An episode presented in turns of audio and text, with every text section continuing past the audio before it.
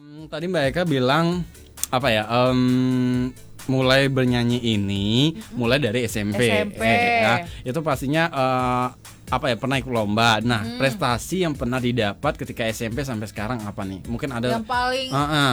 Mungkin ter- pernah jadi terus. Pernah jadi duta sampo lain gitu ya. ah, Dulu jadi duta sampo lain gitu ya.